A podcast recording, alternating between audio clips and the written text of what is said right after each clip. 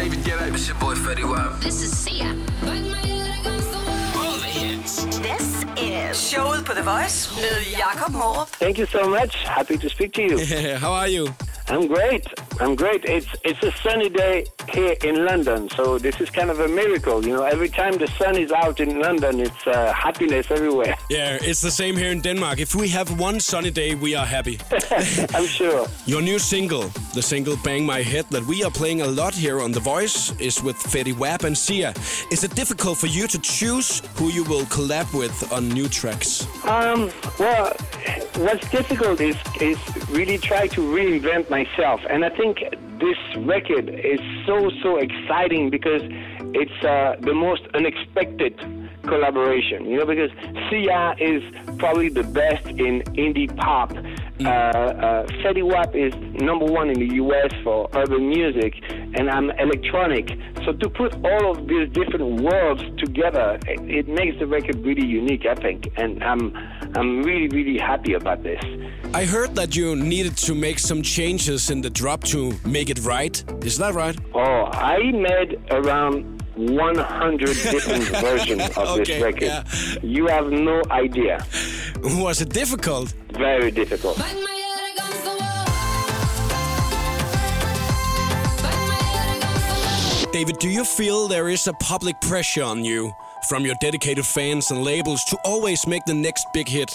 Or is it just yourself trying pushing it up to the next level? Yeah, it's it's it's more a pressure that I I put on myself, and you know the thing is, uh, it's also you're right in a way the expectation of people because sometimes we we speak about this with other DJ producers, and um, and I say you're so lucky because you know if you make a record that makes a top ten for you it's a very big success. But if I make a top 10, for me, it's a flop. So it, it's like, it's very hard to take more risk, you know, because when you begin, you can take all the risk you want because nobody expects you to be successful. And this is, this is, uh, this is why I also keep on making um, some some DJ records sometimes, you know, because it's very important for me to be able to express myself and just have fun without the pressure of a record being a hit. And on, on my repack, because we made a, a it's called uh, Listen Again. It's, it's a new version of the album with uh, with Bang My Head, but also some some club beats that I made for myself when I'm DJing, and I, I put here, you know. And uh, and I I need this. I love making those huge radio records, but I also, you know, it's also important for me sometimes to do like records that are a little more experimental and purely electronic, for example. But David, do you sometimes miss the way you were working daily and produced your music in the beginning of your career? Um, you know, to be honest, I didn't change so much the way I'm working. Okay. And and you know, um, really, I still work with the same, uh, like working on my laptop. All of this, you know, this is not so different. What what is different is when I write uh, songs. You know, yeah, and that now I can afford to take a big studio and you know uh, make demo with amazing singers, and yes, that that that's different. But when it comes to making beats, it's it's not so different.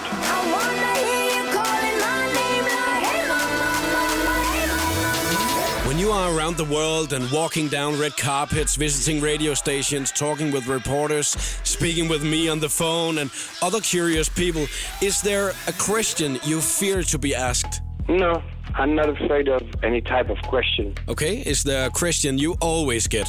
Yeah, of course. Um, very often the same type of questions uh, come.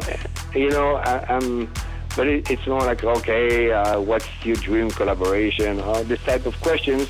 Um, but they don't make me afraid. They can make me bored at the max. I understand that.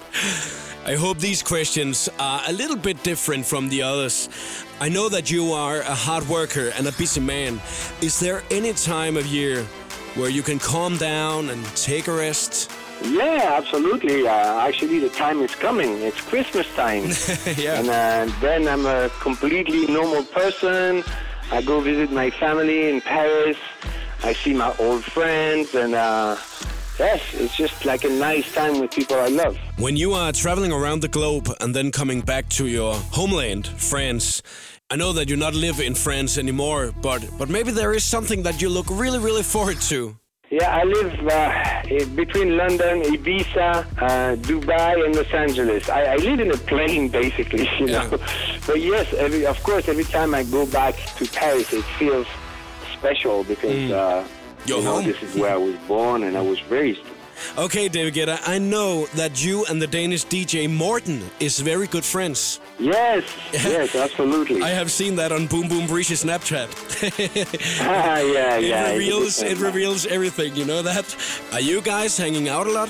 Uh, yeah, we we he, he was staying at my house in the summer, and Hmm? yeah, we're friends. But David, I think that you meet so many new people all the time. Is it difficult to start up and get new friendships? Um, well, I'm a very open-minded person, so you know, I'm always open to life and discover new people, and I have new experiences. So it's just that I'm busy, and as you said, you know, it's a little bit difficult uh, because I'm uh, I'm very often away. You know, so of course, it's uh, it's complicated to. Uh, It's have up- a relationship or already you know I, I have my family and I don't see them much. So yes that that's a little tricky when it comes to personal life it's a little bit of a sacrifice to get to that point really now we know that Morten has lived in your house for the summer on Ibiza. I have a different kind of uh, question for you. Morten has a huge uh, Mickey Mouse tattoo on his back. Do you think it's cool? Have you, and, and I know you have seen it because I saw uh, the uh, the Snapchat. yeah, yeah I think I think pool. Morten I, I love his look It- it's- I love it, it, and it, also his personality a combination of uh, a little rough and also a very sweet person I like this We all know that you are born and raised in France, the country with Disneyland.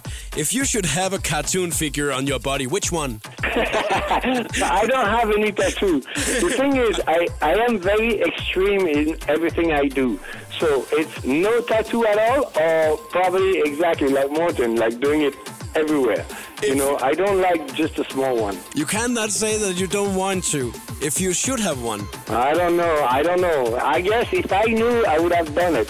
Okay, okay, your answer is accepted, David Guetta. Let's talk about another good thing. Back in 2009, you played our yearly concert in Tivoli, Copenhagen, the Voice concert, and now you are playing Tinderbox Festival next year.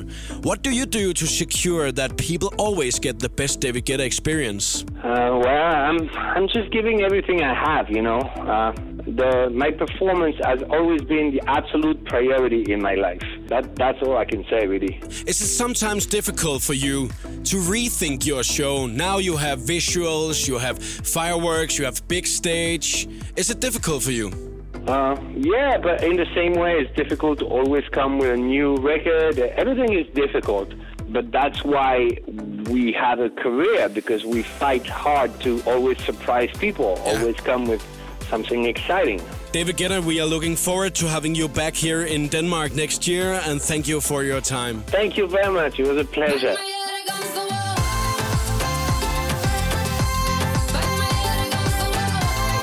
Showet på The Voice med Jakob Morup. Mandag til fredag fra klokken 14 til 18.